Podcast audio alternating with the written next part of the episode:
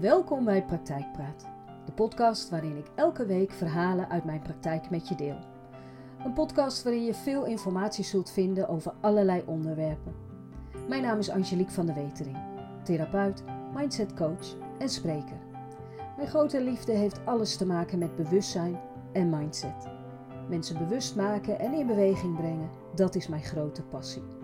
Ik heb het allermooiste vak van de hele wereld en ik neem je dan ook graag mee in de verhalen uit de praktijk.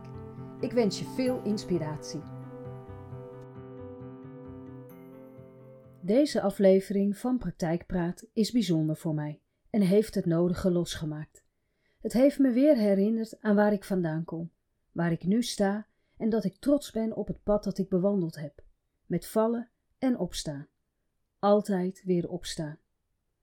Mijn hart krimpt even ineen bij het lezen van haar appje. Ik zal haar Lotte noemen. Ik lees haar berichtje en mijn gedachten dwalen af naar mijn eigen jeugd. In gedachten zie ik hem zitten, in zijn eigen stoel, op zijn vaste plek starend uit het raam. Mijn vader. Zijn favoriete muziek op de achtergrond. Altijd een knuffel wanneer ik thuis kwam, behalve wanneer hij stevig gedronken had. Dan was hij verzonken in zijn eigen gedachten, in zijn eigen wereld. En wanneer hij uit zijn werk kwam, dan trok mijn vader zich terug in de keuken. Eerst een stiekeme borrel.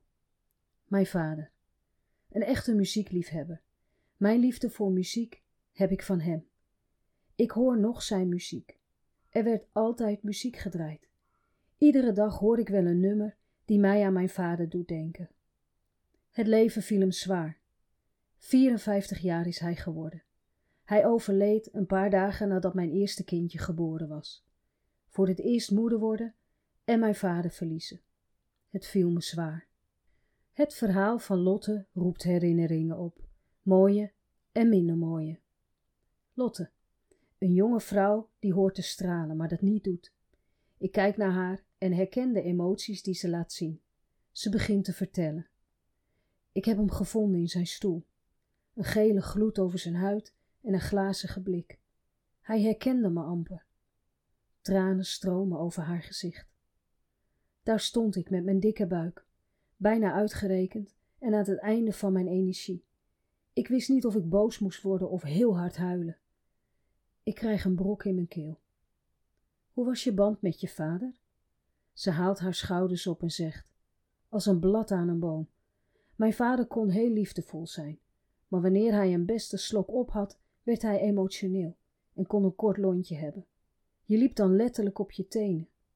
Niemand die echt wist hoe het er bij ons thuis aan toe ging. Ik droom nog steeds van mijn vader in de stoel en blijf het beeld steeds voor me zien. De ambulance in de straat en mijn vader die op dat moment uit het leven glijdt. Dronken. Ze breekt en kan haar emoties niet meer tegenhouden. Het verdriet, de boosheid en de liefde voor en naar haar vader wisselen elkaar af. Ik laat haar huilen en wanneer haar huilen zachtjes snikken wordt, vraag ik haar of ze zich regelmatig eenzaam voelt, overvallen wordt door boosheid en of ze ook het gevoel heeft weinig grip te hebben op haar emoties. Ze kijkt me met grote ogen aan en knikt. Maar ik weet niet waarom. Ik heb alles wat ik me maar wensen kan: een gezond kindje, een lieve man, huisje, boompje, beestje. Ze staart voor zich uit. Lieverd, je hebt geen afscheid van je vader kunnen nemen, tenminste niet op dat moment dat hij het leven verliet. Misschien heb je in gedachten regelmatig afscheid van hem genomen, bang dat hij dit niet heel lang meer zou volhouden. Hoe vaak heb je niet naar hem gekeken? Wilde je schreeuwen tegen hem, smeken om alsjeblieft te stoppen met drinken? En heb je je misschien als jong meisje afgevraagd waarom je niet de moeite waard was? Niet de moeite waard om voor te stoppen. En al die emoties overvallen je dagelijks komen naar boven wanneer je aan je vader denkt, je naar je zoontje kijkt en wilde dat je vader erbij kon zijn, of wanneer je in de spiegel kijkt en trekjes van hem ziet. Gemis, boosheid, verdriet, allemaal emoties die je bijna dagelijks voelt. Ik denk dat het tijd wordt om je jeugd en het overlijden van je vader te gaan verwerken. Ze blijft een tijdje stil en ik zie dat haar emoties haar alle kanten opslingeren wordt de pijn en alles wat ik voel ooit minder. Ze kijkt me bijna wanhopig aan en laat haar hoofd zakken. Er is nog maar weinig glans in mijn leven. Ik leg Lotte uit wat EMDR kan doen voor haar. EMDR is een traumaverwerkingstherapie en helpt het brein de informatie opnieuw op te slaan, van het korte termijn geheugen in het lange termijn geheugen. Hierdoor verliest het de meeste lading. Ze kijkt me aan en zegt: Ik denk niet dat ik iets te verliezen heb. Haar blik is gespannen wanneer ze de koptelefoon opzet. Kun je mij vertellen, Lotte, waar je het meest last van hebt? Wat je het meest raakt? Lotte blijft stil en sluit haar ogen. Ik geef haar even de tijd om alle emoties die door haar heen gaan tot rust te laten komen. Lotte? Ze opent haar ogen terwijl de tranen over haar gezicht rollen. Het beeld van mijn vader in de stoel. Hij zag zo grauw. Ik wist dat hij het niet ging redden. En diep van binnen voelde ik dat hij dat ook niet wilde. Ze legt haar hoofd in haar handen en huilt. Zachtjes gaat ze verder. Hij was zo blij dat hij opa ging worden. En heel even heb ik de hoop gehad dat dat voor hem een reden was om te gaan stoppen. Ik ben zo boos op mezelf geweest en heb mezelf voor alles uitgemaakt toen ik doorhad dat hij niet ging stoppen. Eerlijk gezegd wist ik dat ook wel, maar ik wilde er zo graag in geloven. Ik knik en zie hoe er steeds meer herinneringen naar boven komen. Wat gaat er nu door je heen?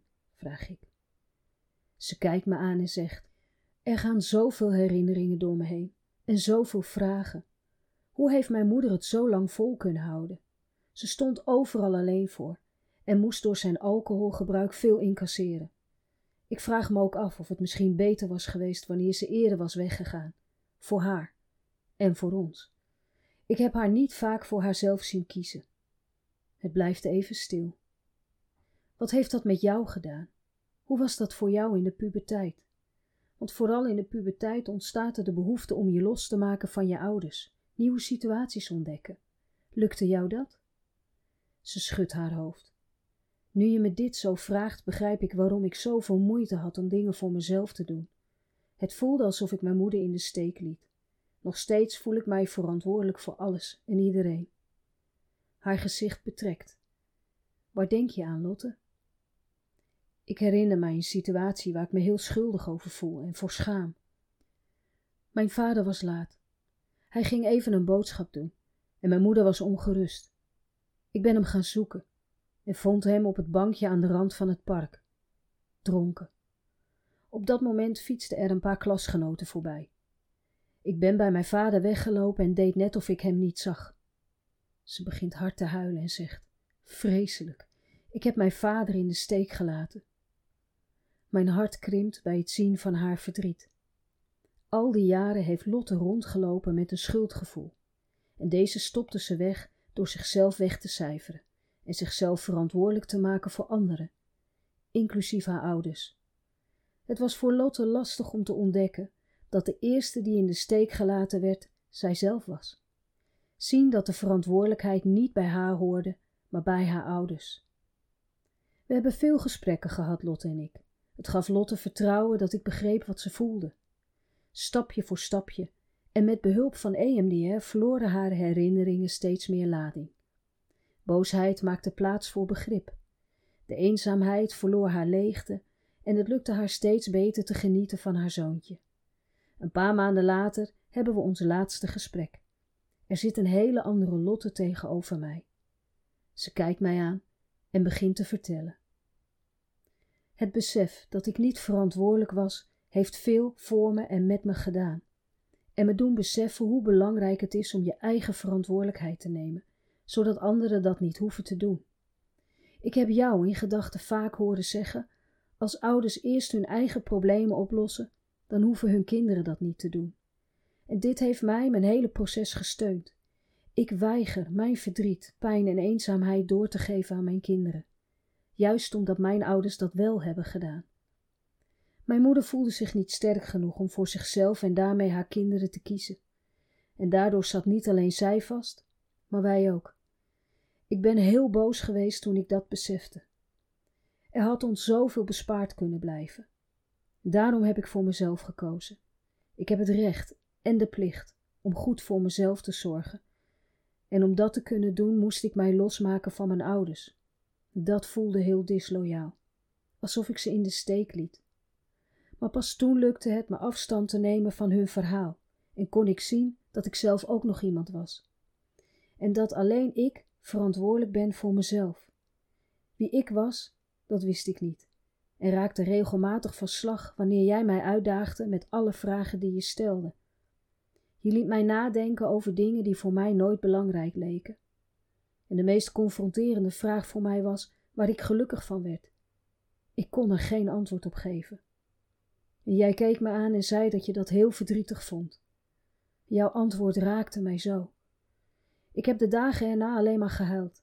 Gehuild om dat jonge meisje die alles deed om de mensen om haar heen gelukkig te maken, maar daarbij haarzelf in de steek liet. Dit meisje wist niet wat het was om zich gelukkig te voelen. Dit meisje was ik. Er is veel veranderd voor mij. Ik voel me gelukkiger en kan weer genieten. Ik wilde en kon er nooit over praten. Ik stopte het weg en schaamde me ervoor. En om dat te compenseren zorgde ik ervoor dat anderen niets tekort kwamen. Zorgen voor een ander, dat kon ik als geen ander. En toch werd ik daar niet gelukkig van en voelde me leeg. Vooral bij mijn vader was ik altijd op zoek naar de bevestiging dat hij van mij hield. Mijn vader was ziek. Dat weet ik nu. Ik weet ook dat hij van mij gehouden heeft. Haar ogen hebben een warme glans wanneer ze fluistert.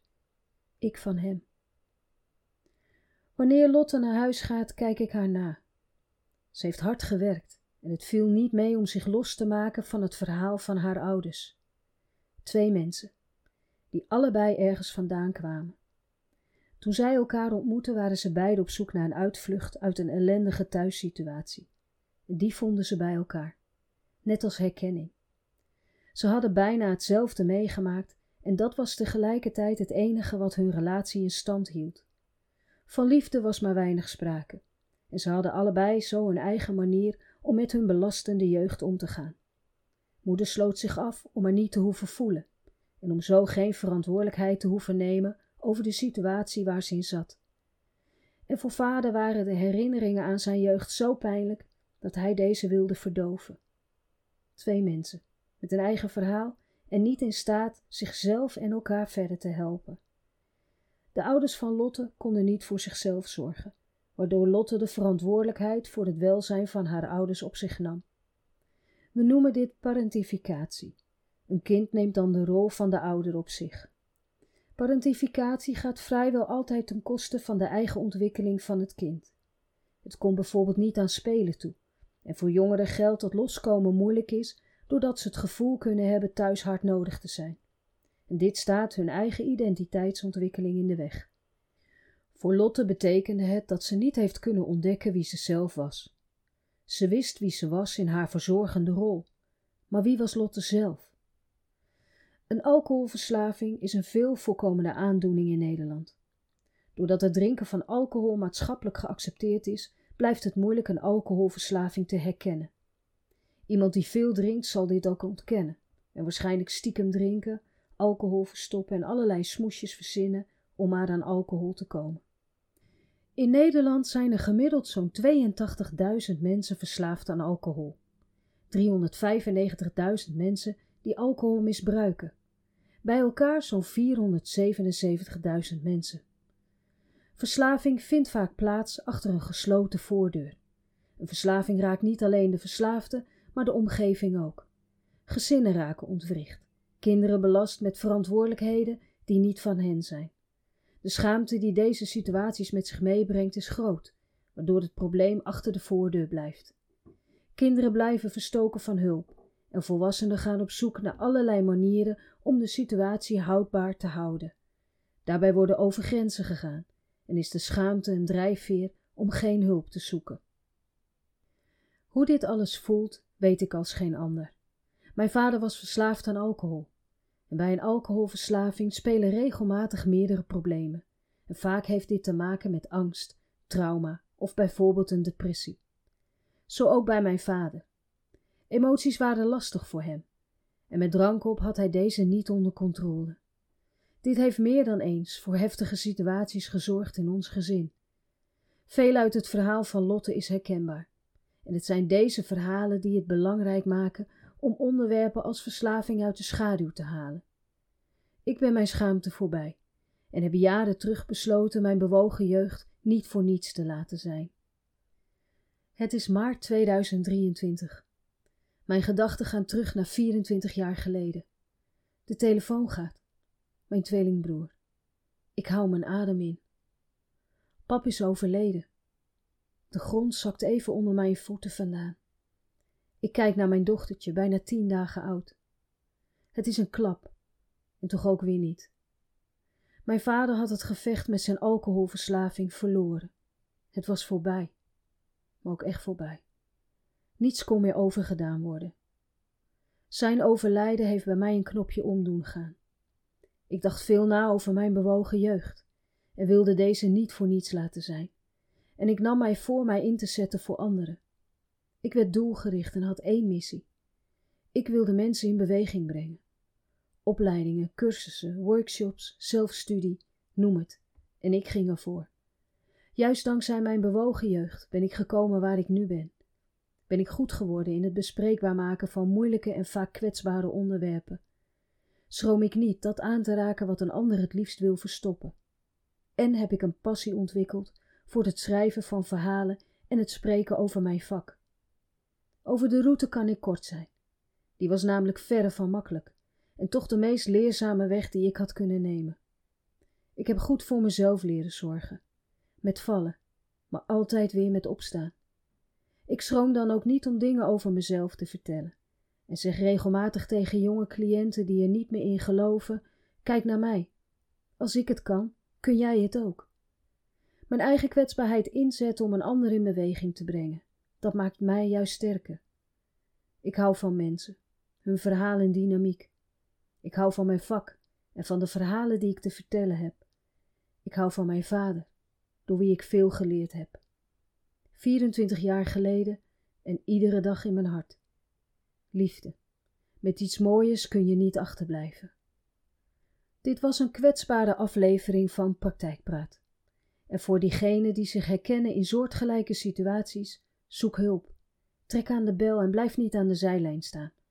Er zijn verschillende instellingen voor verslavingszorg. Zij bieden vaak online programma's met hulpverlening, zowel voor jongeren als volwassenen. Heb je vragen of wil je wat kwijt? Dan kun je me mailen. Info apenstaartje angeliekvandewetering.nl Pas goed op jezelf. Wat fijn dat je weer luisterde naar een aflevering van Praktijkpraat. Dank je wel. Heb je naar aanleiding van deze podcast vragen, opmerkingen of suggesties? Mail dit dan. En dat kan naar info apenstaartje angeliekvandewetering.nl En wanneer je denkt dat deze podcast interessant zou kunnen zijn voor iemand die je kent, dan zou het super zijn wanneer je de podcastaflevering doorstuurt. Nog even een vraag van mij. Vergeet niet te volgen, dan mis je geen aflevering meer. Nogmaals, dankjewel voor het luisteren en heel graag tot een volgende keer.